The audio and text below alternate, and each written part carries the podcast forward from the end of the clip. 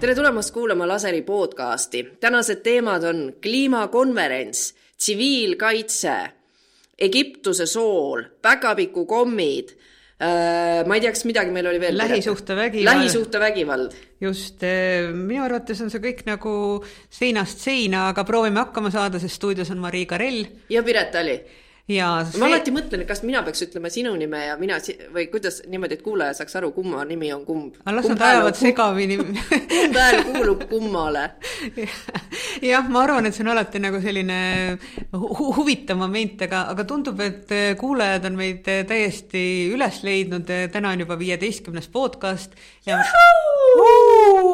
et me saame järgemööda kirju, kus selgub, et me oleme päästnud inimesed igavuse rabast, sest just see podcast on olnud nende elus see, mis neil on puudu. meil on põhjust kahekordselt tähistada, sellepärast et esiteks meil on viieteistkümnes podcast, mis on ju niisugune väike juubel nagu, ja teiseks meil äh, Youtube'i kanalis Lasertech täitus tuhande subscriber'i piir Vau, just ja ma saan aru, et eh, nüüd me oleme jõudnud sinna, kus see MacGyver teibiga mikrofon, mis mu ees on, on mingil hetkel asendumas päris omade mikrofonidega, et me oleme selles mõttes jõudnud jõuludeks eh, teenida välja oma kingitused. meie päkapikku pakki on pandud uued mikrofonid, et ma tänan kõikide nende kirjade eest, mis te meile iganädalaselt saadate ja kinnitate meile, kui tähtis podcast see on ja kui äh, oluline teile on seda iganädalaselt kuulata ja ma tänan ka nende tähelepanekute eest, mis juhivad tähelepanu võib-olla väiksele kajale siin toas, mida ma nagu nüüd kuulen eriti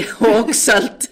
nii et ma arvan, et äh, päkapikud lisaks sellele, et nad toovad meile uued äh, korralikumad mikrofonid, peaksid äh, panema oma näpud kiiremini tööle, et neid helipaneele siia veel kleepima natuke või, või me kolime siia kuhugi väiksemasse ruumi, kus on äh, väiksem kaja, aga igal juhul uusaasta lubadused on sellega täidetud et.... tead, minu arust me võiks kolida president Kaljulaidi fondi, sest et ma kuulasin president Kaljulaidi podcast'i, see super heliga, ma olin nagu kadedusest roheline ja kuskil nende fondi ruumides nad seda salvestavad. ja üldse nagu see on ühtlasi ka nagu niisugune väike kuulamissoovitus, et kui te olete kõik laseri podcast'id ära kuulanud ja saated ära vaadanud ja tundub, tegelikult tahaks midagi tarka kuulata, kuulata, siis äh, president Kaljulaidi podcast on jumalast äge kuulamine jah, ma saan aru, et sa oled juba poole jalaga nagu Kaljulaidi paadis, sest äh, äh, just nimelt täna lähed sa juhtima siis president Kaljulaidi fondi lähisuhtevägivalla konverentsi ja, ja mitte ainult seal ei räägita lähisuhtevägivallast, vaid sellel teemal on ka tänane laser. jaa, aga see konverents puudutab kahte teemat, number üks on see, et juhime tähelepanu siis sellele, et miks on Eestis nii, et lähisuhtevägivalda juriidika mõttes ei tunta ära, ehk et Laseri lugu räägib ka sellest, et kui aastaid on keegi sulle käinud kodus ajudele, et sellega ei ole mõtet nagu kohtuuksi kulutama minna.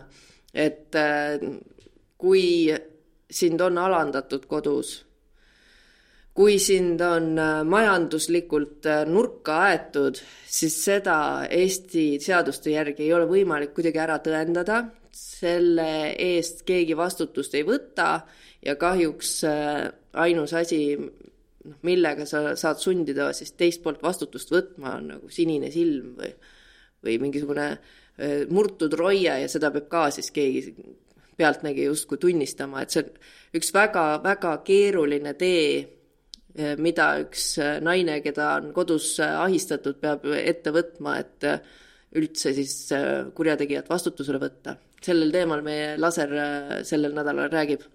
Need on olnud väga põhjalikud, kurvad ja mõtlemapanevad lood, mida kolm naist olid nõus meiega jagama ja, ja kokkuvõttes inimene, kes ei ole selle asja sees olnud, ta ei saa täpselt ka aru, mis asi on lähisuhtevägivald. et, et sellest on ka ju palju selles loos juttu, et kõik inimesed mõistavad, et on mingid peretülid, kus eh, kaks purjus inimest on omavahel koos, keegi lööb kellelegi rusikaga pähe ja siis kutsutakse politsei. aga, aga see, milleni need naised jõuavad, on ju põhimõtteliselt see, et see on aastaid kestnud vaimne, füüsiline, majanduslik, seksuaalne terror, kus on üks juhtiv pool ja enamik sellest vägivallast pannakse toime kaine peaga. et seal ei ole alkoholi või, või siis on see alkohol väga harva ja kui need naised neid lugusid soostusid näoga rääkima, need olid päris karmid lood, et kui keegi sind ikkagi ähvardab püssiga maha lasta. või saega pooleks saagida. või saega pooleks saagida, et noh, minu jaoks oli kõige mõtlemapanevam lugu sellest, kuidas äh, Äh, siis ka rääkis meiega ühe naiste tugikeskuse juht, kes oli öelnud soovituses, et kui kolmteist aastat sa oled kogenud vägivalda ja vägivaldset suhet ja sa kahtled ennas ja sinu isiksus on tegelikult põhjani maha lammutatud, siis võtab sul ka kolmteist aastat, et sellest äh, vägivallast välja tulla, sest see paranemine võtab aega ja tegelikult on ka paljudele inimestele, äh, kes selle teemaga tegelevad erialaselt, on mõnes mõttes nagu käed rippu olukord, et nad näevad, et on olemas juht, juhtum, aga samas ei ole need inimesed saanud selle eest äh, karistust, mis õigluse maale seab, sest kõik need naised nentisid, et jah, need mehed on olemas, äh, aga, aga nad äh, on saanud tingimisi karistuse. Nad elavad oma elu edasi ja, ja ahistavad jätkuvalt naisi ja jah, sest vägivaldse suhte muster kordub ja ma saan aru, et nende meeste uued suhted on täpselt sama kaugel olnud, et selle vägivalduri parandamine ühiskondlikult ei ole meie ühiskonnale veel absoluutselt jõukohane. et esiteks need mehed saavad sageli võib-olla tingimisi karistuse ja, ja teiseks ei ole ka neid rehabilitatsioonisüsteeme, mis õpetaks inimest sellest vägivallast hoiduma, et ma sattusin lugema ühte väga head arvamusartiklit, kus räägiti sellest, et emotsionaalset vägivalda inimesed ei oska ära tunda, nad ei oska ennast selle vastu kaitsta ja nad ei oska sellest välja tulla, et nad pööravad selle kõik nagu enda vastu. ma ei tea, kas see on meie nagu õhukese kodanikuühiskonna probleem või selle inimeseks olemise kasvatamise puudulikkus,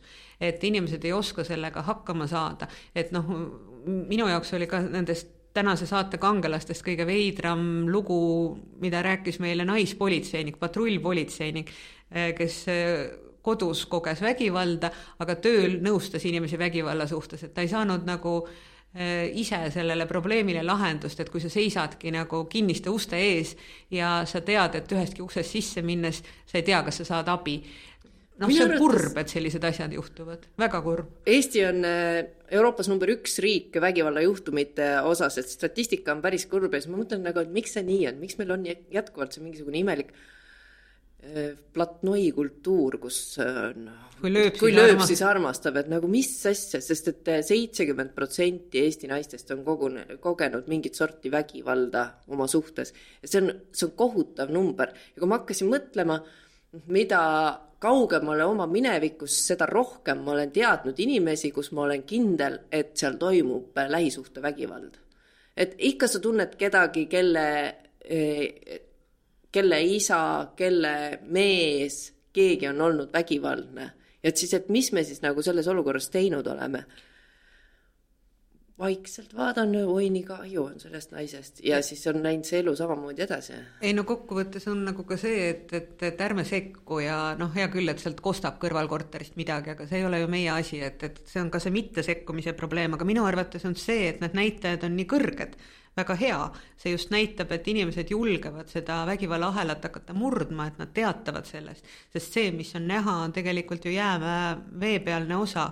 Ja, ja mis mind pani ka ühes intervjuus mõtlema, seda ütleski vist president Kaljulaid, et sageli need lapsed, kes kasvavad selles keskkonnas, et neid ei käsitleta ohvrina ja nad ise võivad muutuda samamoodi vägivalduriteks, sest see on ainus suhtemuster, mida nad elus on näinud. aga kuidas see vägi ja nad pöörduvad oma siis ohvrist vanema poole, süüdistades teda selles, et sa oled nagu selles süüdi, et sa mind ei kaitsnud kusjuures see on päris sage juhtum, et need lapsed, kes on harjunud nägema seda, kuidas nende ema lüüakse või kuidas, kui alandavalt ema, emaga käitutakse, nad hakkavad ise sedasama asja tegema. ja mõtle, kui sa oled kasvatanud lapse, kes sind alandab ja sind peksab. ja siis mõtled, aga kuidas me sellisesse olukorda sattusime. jah, ongi nagu see, et kui me suhtlesime Justiitsministeeriumiga sellel teemal, eks ole, et eh, milline on siis lähisuhtevägivald, siis eh, meil oli raske püsida selles fookuses, et see on paarisuhtevägivald eh, et sageli on palju sellest vägivallast ju suunatud ka eakate vastu, kes on abitus olukorras ja, ja ka neid femitsiide või siis naise tappe on eelmise aasta statistikas siis kahe tuhande kahekümne teise aasta seitse et äh, et see on nagu päris nagu hirmuäratav, et, et me oleme nagu nii kaua elanud vabas ühiskonnas ja, ja kuidas saab siis jätkuvalt olla naise jaoks kõige ohtlikum koht kodu, et kui ma nägin seda laseri promo kogemata nädalavahetusel kusagil ekraanil. multika vahel ja multika vahel, siis ma olin kohutavalt ehmatanud, noh, täpselt sama ehmatanud kui siis, kui ma kuulasin vabariigi aastapäeval või uusaasta öösel oli president Kaljulaidi kõne. vabariigi aastapäeva kõne oli see. et, et kui, kuna praegu on riigipüha, siis ilmselgelt saab väga palju naisi täna peksa. ja noh, minu jaoks oli see nagu noh, ebameeldiv ja valus ja miks nagu riigipühal ja kuidas nii, aga, aga noh, samas ilmselgelt praegusel ajal, kus majanduslik surutis järjest kasvab ja, ja paljuski on need suhted ka nagu seotud ju raha ja võimuga et siis ilmselt see olukord võib olla sellel aastal või lähikuudel ka väga hull, et noh, väga hea, et see konverents ja see saade just praegu on. President Kaljulaid soovib juhtida teisena tähelepanu selleks, et me võiks seda vägivalla vägivaldset suhet märgata siis ka töö juures, nii tööandjate kui kolleegidena, et kui kellelgi on kehvem olla, et siis me julgeks küsida me oskaks abi pakkuda. ja kui ähm, siis äh, seda teemat hakkasime sondeerima, et mis see seis parasjagu Eestis on, et mida tööandjad teinud on ja, ja millist kultuuri siis äh, viljeletakse erinevates asutustes, siis selgus, et Eesti on täpselt nullseisus et edasi saab ainult paremaks minna, aga et üheski äh, organisatsioonis siiani ei ole mingisugust välja töötatud skeemi, mida teha selleks, et pöörata tähelepanu, et lähisuhtevägivald on äh, midagi, kus me kodanikuna iga päev saame aidata. Ja noh, teisest küljest Eestis töötab alati see, kui asjad arvestatakse ümber rahasse, mis tähendab seda, et inimene, kes on kodus alandatud, pekstud, nurka löödud, et ta on ebaefektiivne töötaja. no ta on lihtsalt on... kehvem töötaja, jah jah, ja majanduslik kahju ja nii edasi ja, ja noh, kogu see, kogu see äh, surutis täpselt samamoodi. ja et siis oligi nagu küsimus, et, et, et okei okay,, et, et igal organisatsioonil on natukese see Maik Mann, et kui ma tõstatan selle lähisuhtevägivalla teema, et kas ma siis kahtlustan oma töötajaid selles, et kõik saavad peksa kodus. et näiteks noh, Maxima on ju, et äh, väga aktiivselt tulid selle teemaga kaasa, tahtsid äh, teha midagi ka, et siis, et aga äkki kuidagi tekib see silt juurde, et kõiki Maxima müüjaid kodus ahistatakse. noh nagunii Tegel... on see Maxima müüja juba mingisugune märgiline jaa. madalapalgaline töötaja, mis võib kõik nagu vastata ka tõele, eks ole. jaa, aga kahjuks on nii, et lähisuhtevägivald ei küsi rahakotist ega ametist, vaid et lihtsalt, kui me vaatame neid Eesti protsente, siis need on nii kohutavad, et need ei jäta mitte ühtegi sektorit puutumata. et täpselt samamoodi, et siis noh, tuli teemaga kaasa ka näiteks LHV on ju, stereotüüpselt me kujutame ette, et oi, seal LHV-s on mingid hästi edukad pangainimesed, seal küll mingeid probleeme ei ole, et see noh, see ei puutu lähisuhtevägivalla puhul absoluutselt asjasse. et, et siis ongi, et kuidas see organisatsioon siis, kuidas me töökohtadel saaksime midagi ära teha, et naised ei tuleks sinna ja siis avastaks nagu meie kangelane Laseri loos, kes töötas politseinikuna, läks hommikul tööle, vaatas kakskümmend ust on, tahaks kuskilt abi küsida, aga ei tea, millisele uksele koputada aga noh, ma ütlen, et selles töötas ikkagi ju vanade tarkade naiste tarkus, et kui keegi muu kortermajas appi ei tulnud, siis tuli allkorrusel elav vanaema,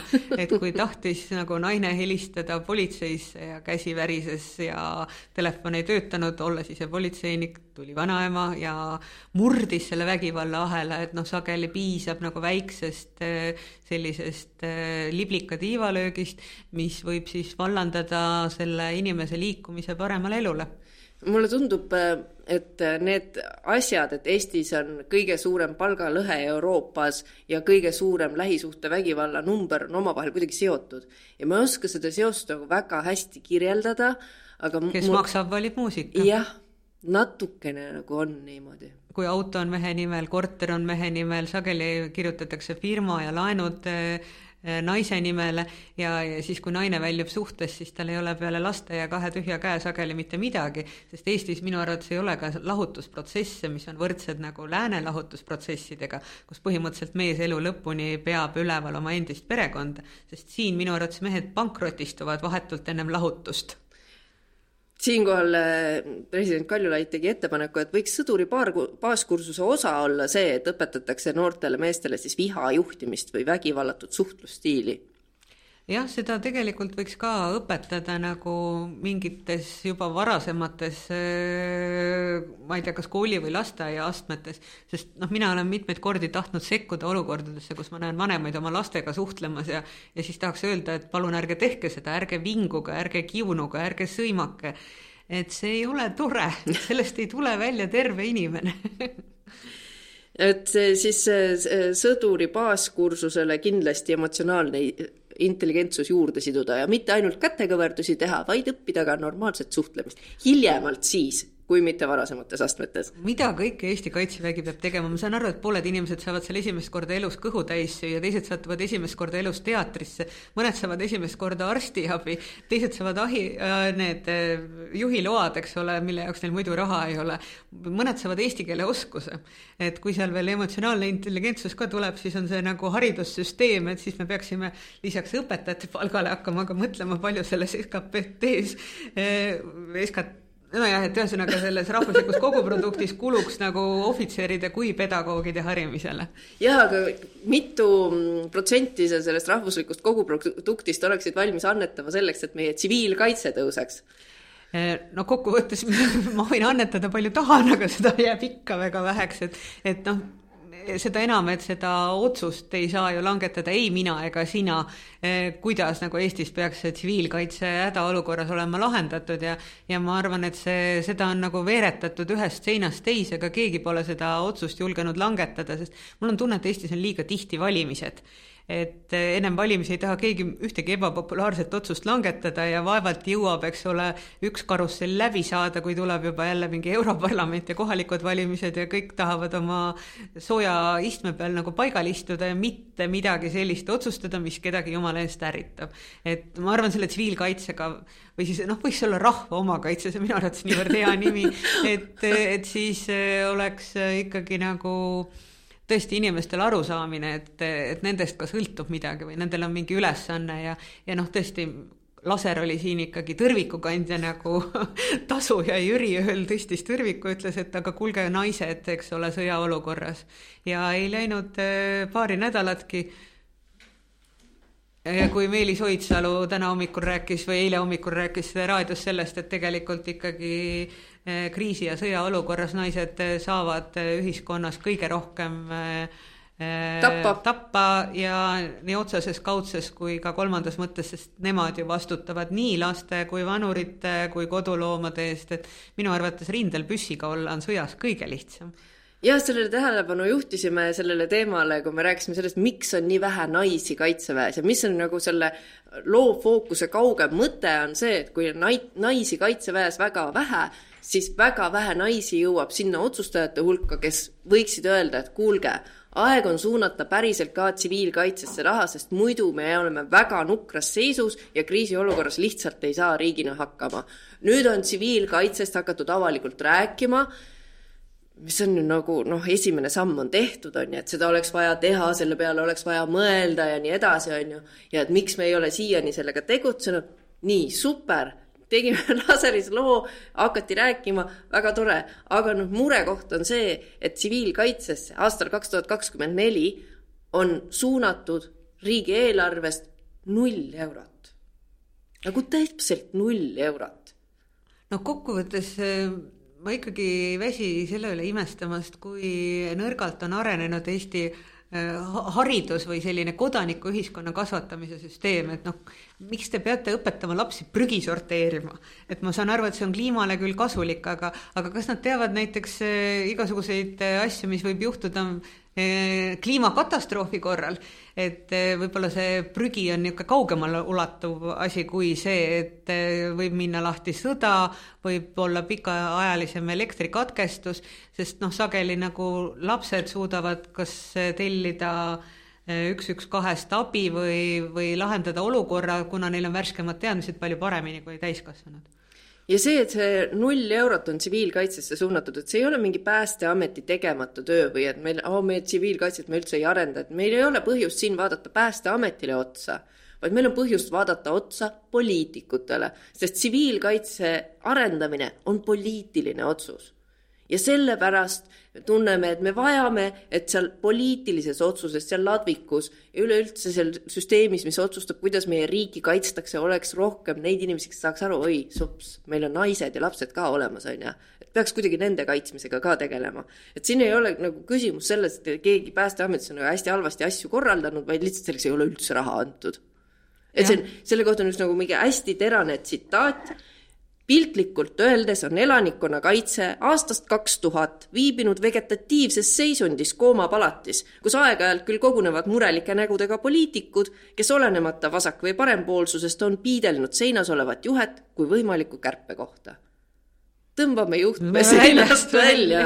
minu arvates on sellega nagu Narva linnaga, et seal ka ennem valimisi ilmub mingisuguses Lexuses poliitik ja ütleb, oo, teil on väga perspektiivne koht ja järgmised viis aastat nähakse selle Lexuse stopp-tulesid, kui nad Tallinna poole tagasi sõidab, et vaadake ise, mis te oma Narvaga teete jaa, aga et äh, mulle tundub, et noh, meie asi siis ajakirjanikena on uuesti jälle tõstatada see teema ja küsida, et aga mis meil on niimoodi, et meil ei ole nagu piisavat toiduvaru riigina. et noh, midagi oleme siin kõrvale pannud, aga päriselt kriis tuleb siis sellega nagu välja ei veereta. kusjuures minu arvates on nagu väga palju ka nagu imelikke pooltõdesid. et, et noh, see on see, et äh, kui juba päästeametnik sulle ütleb, et tead, mis sind ainult kriisiolukorras aitab, on see, et sul on autol täis paak ja sa sõidad linnast minema, et sul peab olema mingisugune teine pelgupaik, kus on täis sahver ja ma ei tea, kas sul on privaatne varjend, vahepeal müüdi neid ka ju.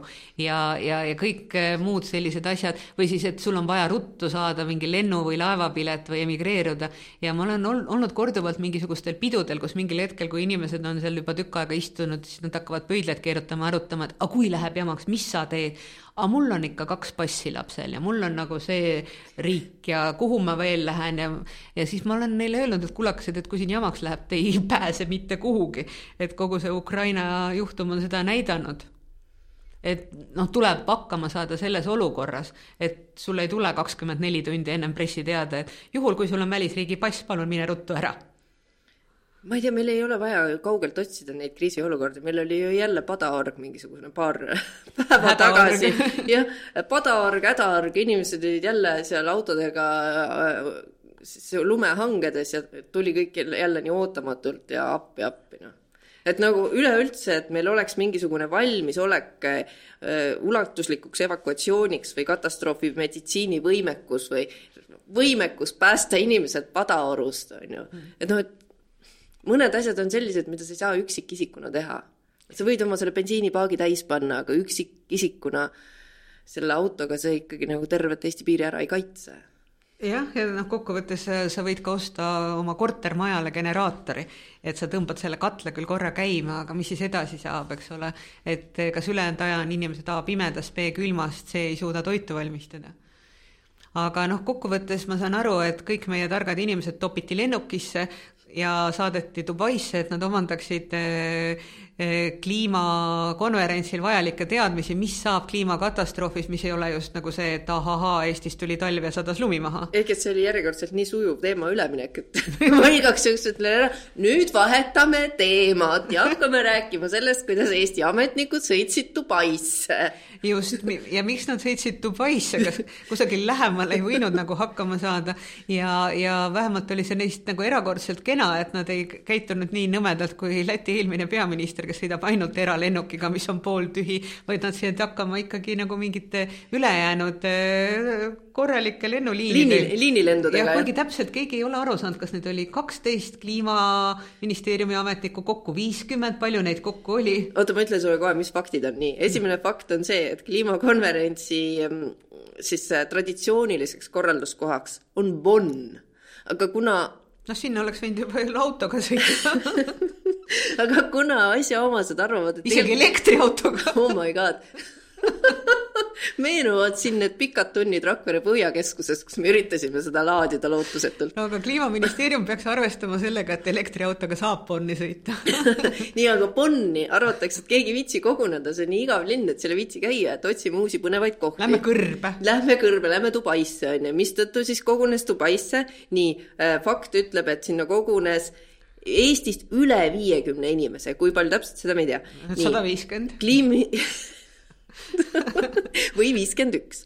kliimaministeeriumist osales läbirääkimistel kahe nädala jooksul kokku kaksteist inimest nii, okei okay., väga hea, nii, nüüd on siis teada see, me umbes nädal aega tagasi saatsime sinna kliimaministeeriumisse kirja, et mitu inimest teil sõitis sinna Dubaisse siiani ei ole vastust saanud. aga sellest hoolimata saatsime kohe järgmise kirja ja küsisime, aga millise lennuklassi valisite? seda esiteks, noh, et kas esimene klass või tavaline turistiklass on ju, sellepärast et kui sa lähed kliimakonverentsile, siis sa põhimõtteliselt ei tohiks sõita esimeses klassis, kus on väga laial, laiad istmed, sest sa võtad nii palju ruumi ja Aa, siis see lennuk ei ole efektiivselt Aa. kasutatud sa võtad kõik riigiametnike lõbud ära, ma ei tea, kas tänapäeval äriklassis veel alkoholi antakse või?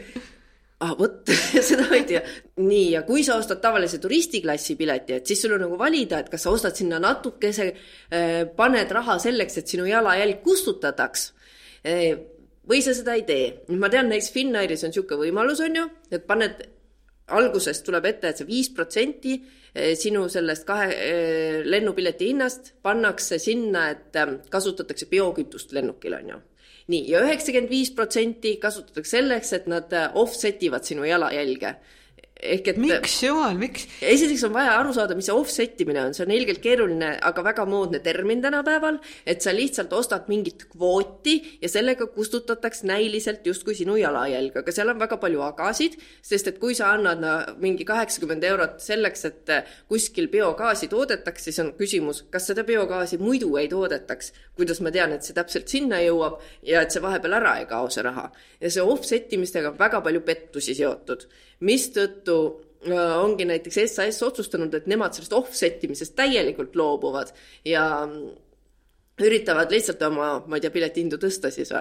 sest et seal Finnairis oli niimoodi, kui sa ostsid selle biokütusega piletihinna ja tahtsid, et okei okay,, ma tahan nii hea inimene olla, ma tahan nagu, et sada protsenti oleks biokütus, et see offset imine, ma olen kuulnud, see on halb asi. kaks äh, kotitäit porgandeid kaasa, et selleks saaks biokütust teha no vot ei ole nii, on ju, aga siis ei. et sa lähed, lendad oma porganditega? liiga odav, Piret biokütus maksab palju, kui sa tahad et, et sada protsenti eh, sinu pileti hinnast lisatakse juurde, et biokütusega sõidaks lennuk mm., siis selle, sõltuvalt kohast sinna lisatakse pileti hinnale mingi tuhat või tuhat viissada eurot. ma selle nimel olen valmis isegi elektriautoga sõitma või jala minema või mida iganes, miks siin üldse lendama peab?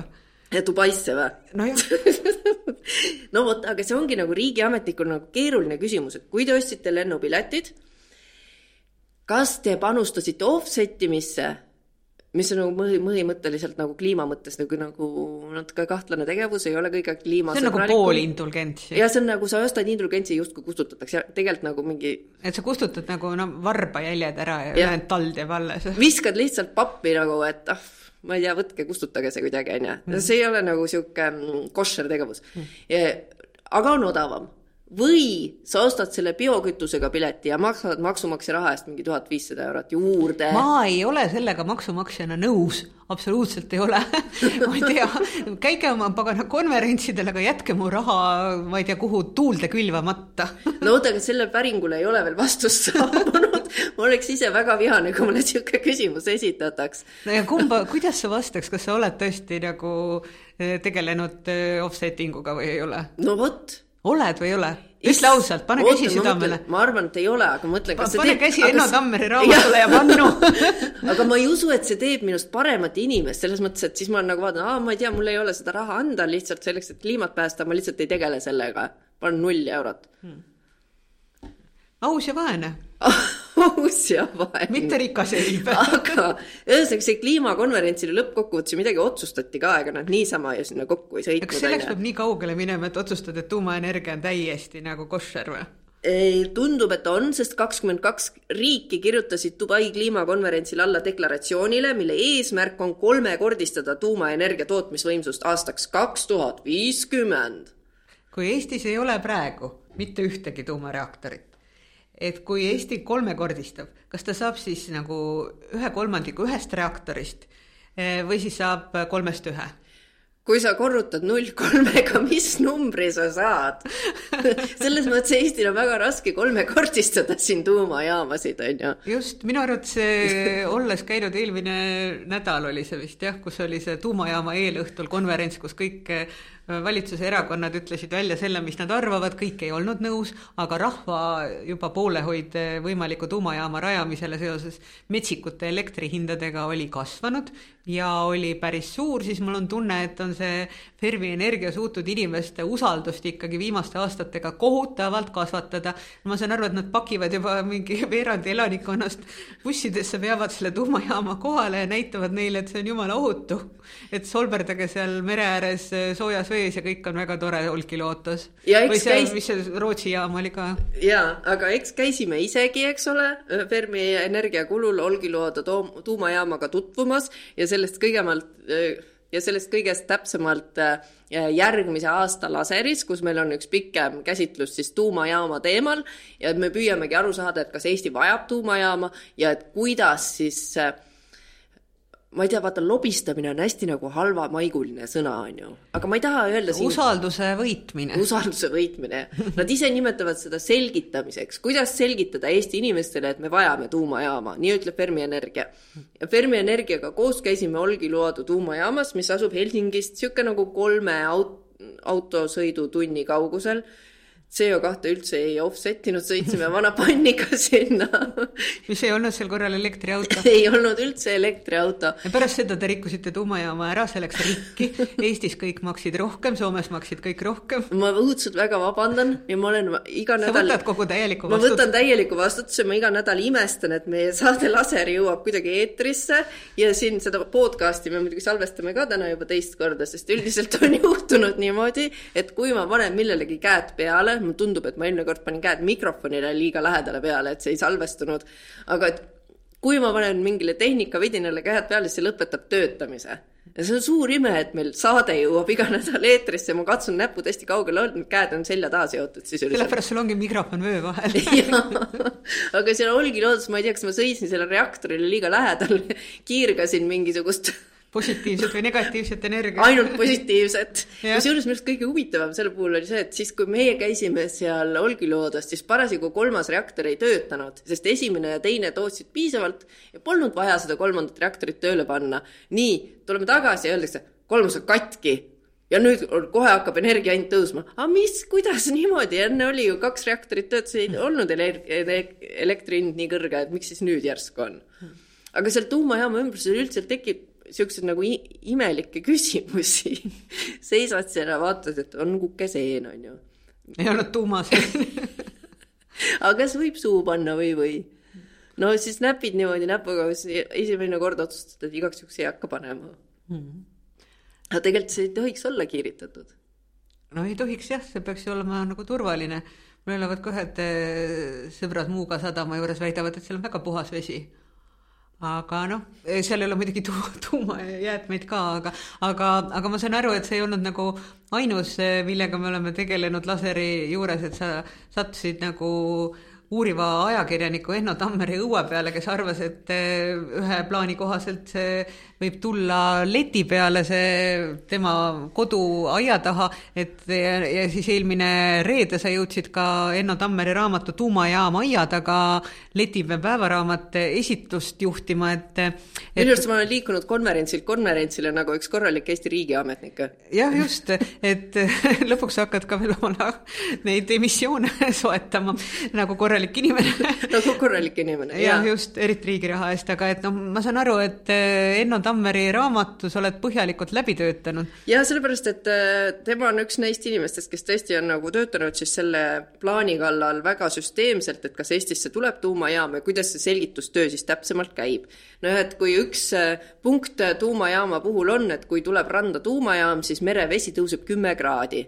nii, ma olin siis seal Olkiluodos ütlesin, et mul on trikoo kotis, et kas võin välja võtta ja hüpata siia merre, et yeah, no, muidu olnud... oleks nagu viis kraadi see merevesi, aga kui on kümme kraadi soojem, siis viisteist on ju, natukene Eesti suvi. väikse sulpsu on ju yeah ja siis ei, no ei, siia tuumajahutusvedelikku ikkagi ei soovita teil ujuma minna, onju. aga pärast oleks Lady Shave'iga nagu muret aga siis ongi, jalutasime Enno Tammeriga siis tema seal Letipea rannas, mis on tore liivarand kohe Kunda kõrval, onju, ja tema väga mures, et mis siis juhtub, kui see jahutusvedeliku toru tuleb siia, et siis me ei saa siin enam ujuda, et kogu bassein läheb nagu jube kuumaks, onju mis on ju väga tore, mõtle, kui palju sa spa piletite pealt kokku hoiad. jah, ja surfareid peaks kogu aeg olema, eks ole aga kuidas need lained sinna saavad, et siis kui tuleb hiidlaine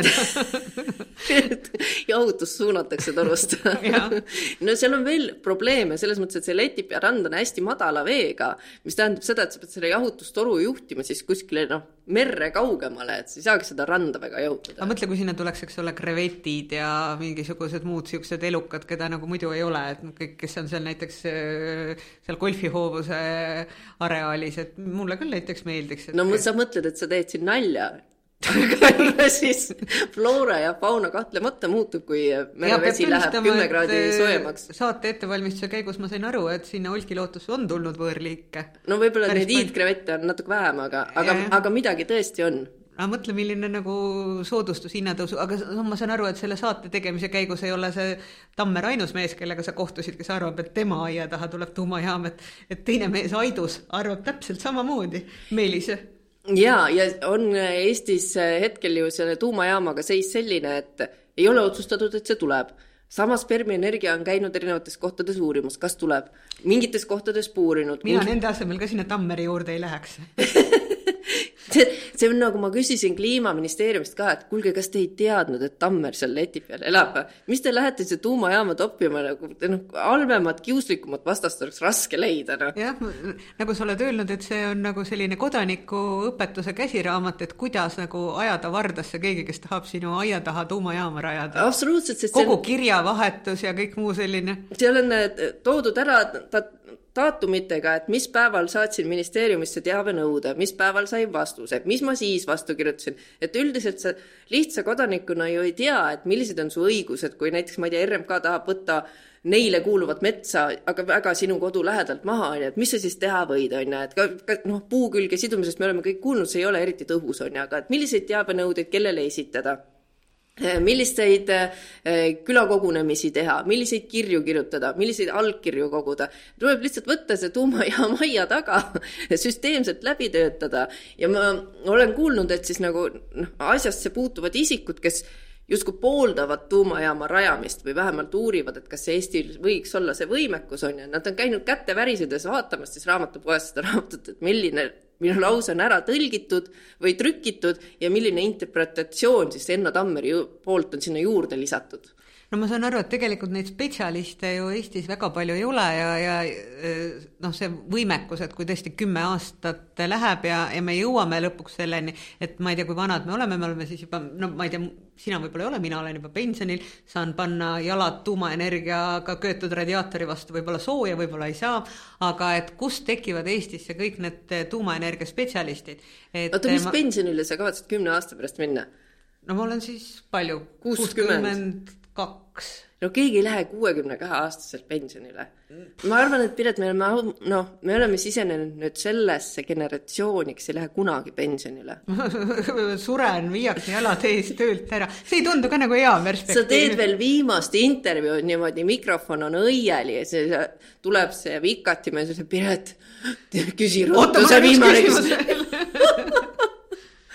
mine, mine nüüd ära, jah. ja siis me saame öelda, et see kuuskümmend, kuuekümne viie aastase ajakirjaniku kogemusega Piret Tali. mul oli ema oli viiskümmend viis, kui ta pensionile sai, see on minu arust väga ebaõiglane, et ma pean nagu, nojah, hea, hea küll, jätkame selle tuumaenergiaga nii, ühesõnaga, võtame tuumajaama jutud kokku, on ju, et tuumajaamaga Eestis hetkel seis selline, et ÜRO on otsustanud, et Eesti võib endale tuumajaama hakata planeerima, et meil on olemas nagu mingi võimekus eksperte hakata kokku ajama, ennast ette valmistama, mingid seadused välja töötama, et selline jaatav vastus on olemas.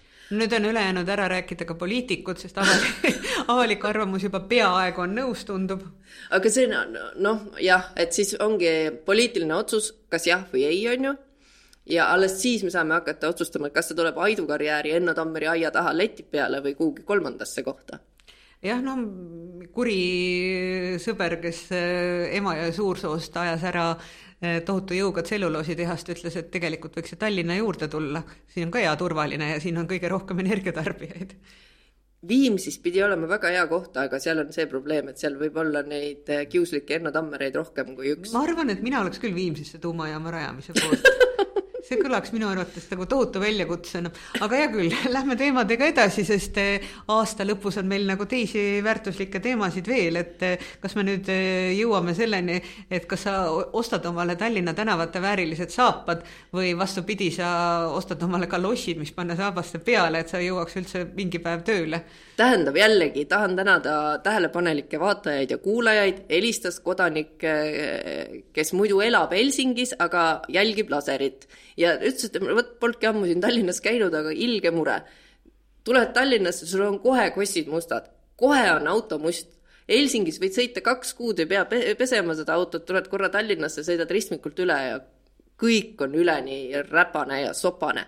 ja siis noh, et milles see siis nagu probleem on, on ju, selgub, et me ülemäära kasutame soola sellest eelmine aasta ka ühes laserile saates rääkisime, et ma ei tea, miks me soolame nii palju tänavaid, kas see on kõik hästi vajalik, on ju no ja siis äh, kuulsin niisugust kuulujuttu sellel aastal, et aga nüüd kasutatakse Egiptuse soola Eestis, sest et Saksamaa sool on nii kallis Egiptuse sool on hea odav ja et vot see Egiptuse sool on hästi kuri sool, see roostetab kõik autod läbi ja et see on riigi plaan siis sundida vanad pannid kuidagi Eesti tänavatelt ära, sest nad lihtsalt roostetavad läbi no minu arvates eelmine aasta me jõudsime sellele, et suhkruga pidi olema palju parem. Tänavaid äh, ausalt öeldes libedat tõrjuda, aga kahjuks on suhkur veel kallim, aga nüüd ma saan aru, et nad on leidnud nagu soolale selliseid äh, soodsamaid ekvivalente. nii, Egiptuse sool, see kõik kõlas Valgevene sool, kõlas hästi, kõlas hästi põnevalt, on ju, nii disclaimer, kahjuks ei ole nii põnev, see ei ole mingisugune vandenõu riigi poolt, on ju, et Egiptuse soola tõesti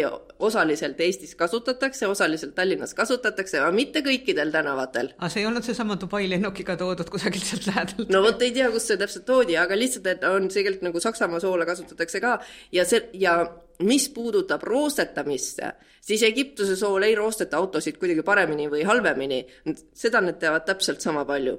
aga miks Egiptuse sool on halvem, on see, et äh, tal on äh, suur lahustamata jääk, mis tähendab seda, et kevast koristus on keerulisem ja seda tolmu on rohkem, mida kokku korjata.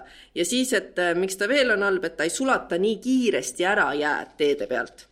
ja nüüd on noh, selline vastakas olukord Tallinna linnas, et ühelt poolt ütleb siis Tallinna linna liikluskorralduse eeskiri, et me tahame, et meil oleks teed ja tänavad talvel ka sellised nagu ma ei tea, Hispaanias, täiesti jäävabad, on ju. aga teiselt poolt tahaks, et kasutaksite vähem soola. nii, et siis ongi, et kui sa oled äh, siis tänavakoristajad, mida sa siis teed sellises olukorras, on ju. ja ma küsisin linnavalitsusse, mis, mis see seis on, et noh, me näeme ju, kõik kohad on soola täis, mis topite seda igale poole? et üldiselt on ikkagi niimoodi riikides, et, et ähm, paneme soola sinna, kuhu hädasti on vaja, ehk suurtele ristmikele, mitte nii, et soolame kõik üle, on ju. me siin parasjagu arutame selle üle, et võiks hakata vähem soola panema kas see on ka nüüd mingisuguse kohaliku omavalitsusliku poliitilise otsuse taga, sest ma sain aru, et see imeline eksperiment hoolimata sellest, et Laser juba eelmine aasta tegi sellest loo või ei, selle aasta alguses tegi sellest loo, et kuidas Viimsis on näitlik lõik, mis on täiesti soolavaba, mis ei mõjuta ümberkaudset äh, floorat, põhjavett, äh, hülgeid, kalu ja ma ei tea, keda kõike veel. Neid sinu krevette. ja minu krevette, kui need juhtuvad tulema, et, et siis miks see on jäänud jätkuvalt selliseks eksperimendiks, mida siis ei viljeleta ja iga kord, kui ma üritan Vabaduse väljak peaks ju olema nagu esindusväljak. esindusväljak, et, et iga kord, kui ma täna hommikul sumpasin sealt üle eh,, jumal tänatud, et ma ostsin omale lumesaapad, sest vastasel korral sellest püdelast, mingist asjast, mis ulatus pahkluuni, ei oleks ma läbi pääsenud ja minu arvates on see veider, kus on siis eh, Kõlvart ja Sveti silmad, nende nina all eh, selline mülgas, eks ole, ja keegi mitte midagi ei tee. aga tead, kus nende silmad on või? autoroolil sest et kui sa lähed oma peente nende nahktaldadega, eh, kingakestega garaaži otse linnavalitsusest, siis sa võib-olla ei kohtu kunagi selle lägaga, mis tänaval on ja see meie siin lihtsad inimesed kas-, kanname nagu vahetusjalatseid kaasas igaks võimalikuks juhuks, sellepärast et nagu noh, tõesti väljaspool kummikut ei ole võimalik siin Tallinna tänaval aga nagu kuidas, kuidas see üldse nagu võimalik on, et, et ma saan aru, et nõukogude ajal ei olnud vahendeid ja, ja ma ei tea, mida ei olnud, aga aga tänavate olukord pealinnas, esindusväljakute, ma tegin selle vea, et ma täna sõitsin elektritõuksiga, sest ma hakkasin hiljaks jääma. Ja, ja see, see oli minu arvates nagu iga jupp oli nagu täiesti erinevat nägu nagu sead ja käod, mõnel olid konarlused, mõnel oli asfalt, sa kunagi ei teadnud, millisele asjale sa satud, et see on nagu väga veider, et siin nagu jalakäijad ja kergliiklus võiksid nagu välja surra talviseks ajaks. aga kas sa sõitsid mööda rattaradu? ei, ei, ma ei saanud mööda rattateid no,. rattateid meil ei ole olemas, meil on ainult rattarajad, on ju. jaa, rattarajad ei, see ei olnud võimalik, sest see ei ole A puhtaks aetud, sest ma lugesin ka seda Evert Sundja postitust, kes ütles, et tema naine murdis rattateel jala ja nüüd ta pani ratta lukku ja keeldub sellega nagu Eh, ringi sõitmas, sest ei saa ju olla perekond, kus on kaks inimest karkudega, sellepärast et on Tallinna tänavad eh, kergliiklejatele väga hoolimatult puhastatud. et ma saan aru, et eelmine nädal ju rattaaktivistid hakkasid neid rattateid puhtaks lükkama, aga vahepeal kahjuks on sadanud lund juurde, et sellest on vähe, et üks kord nädalas kolmapäeviti neid puhastatakse. ja, ja ma just tahtsin küsida, et, et kas sa ei sõitnud sealt mööda neid teid, et kolmapäeviti kell viis kogunevad siis jalgrattaaktivistid ja sõidavad äh, Äh, mööda neid teid, kus siis Tallinnas nagu noh, võiks rattaga sõita, mis võiks olla rattavõrgustiku osa, on ju, see äh, selline aktiivne siis rattasõit äh, kambakesi läheme, see on tegelikult meie enda laseritoimetaja Kaarel Petersoo algatus.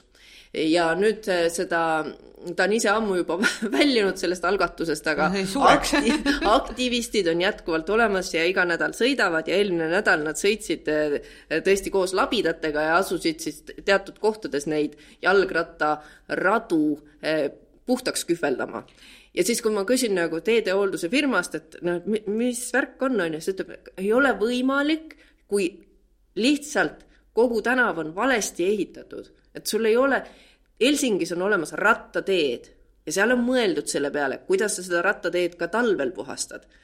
aga kui sa Tallinnas lihtsalt suvalise rattaraja eraldate kuidagi postidega, siis sinna lükataksegi kogu see sopp.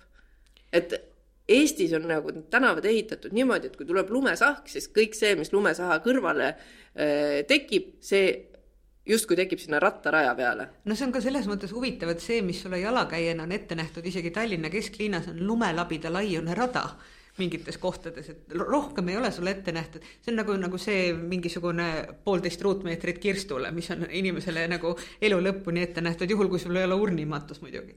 aga, aga noh, kokkuvõttes ma ei tea, miks see rada peab olema labida laiune, sest noh, mujal riikides on ju see, et kui sul on see kõnnitee kitsam kui kaks pool meetrit et siis ei tohi sinna seda lund lükata, et sulle peab jääma ka äh, nõrgema õigus olla omal kahel jalal, isegi kui sa oled pidanud lumesaabastesse in-, investeerima ja käima jala et see ei tähenda seda, et sa peaksid nagu surmaähvardusel nagu minema autorooli. minu arust, kas me selle nõrgema õigustega ei jõua jälle tagasi sinna lähisuhtevägivalda ja tsiviilkaitsesse ja palgalõhesse ja kas see kõik nagu ei ole üks suur äh, komplekt?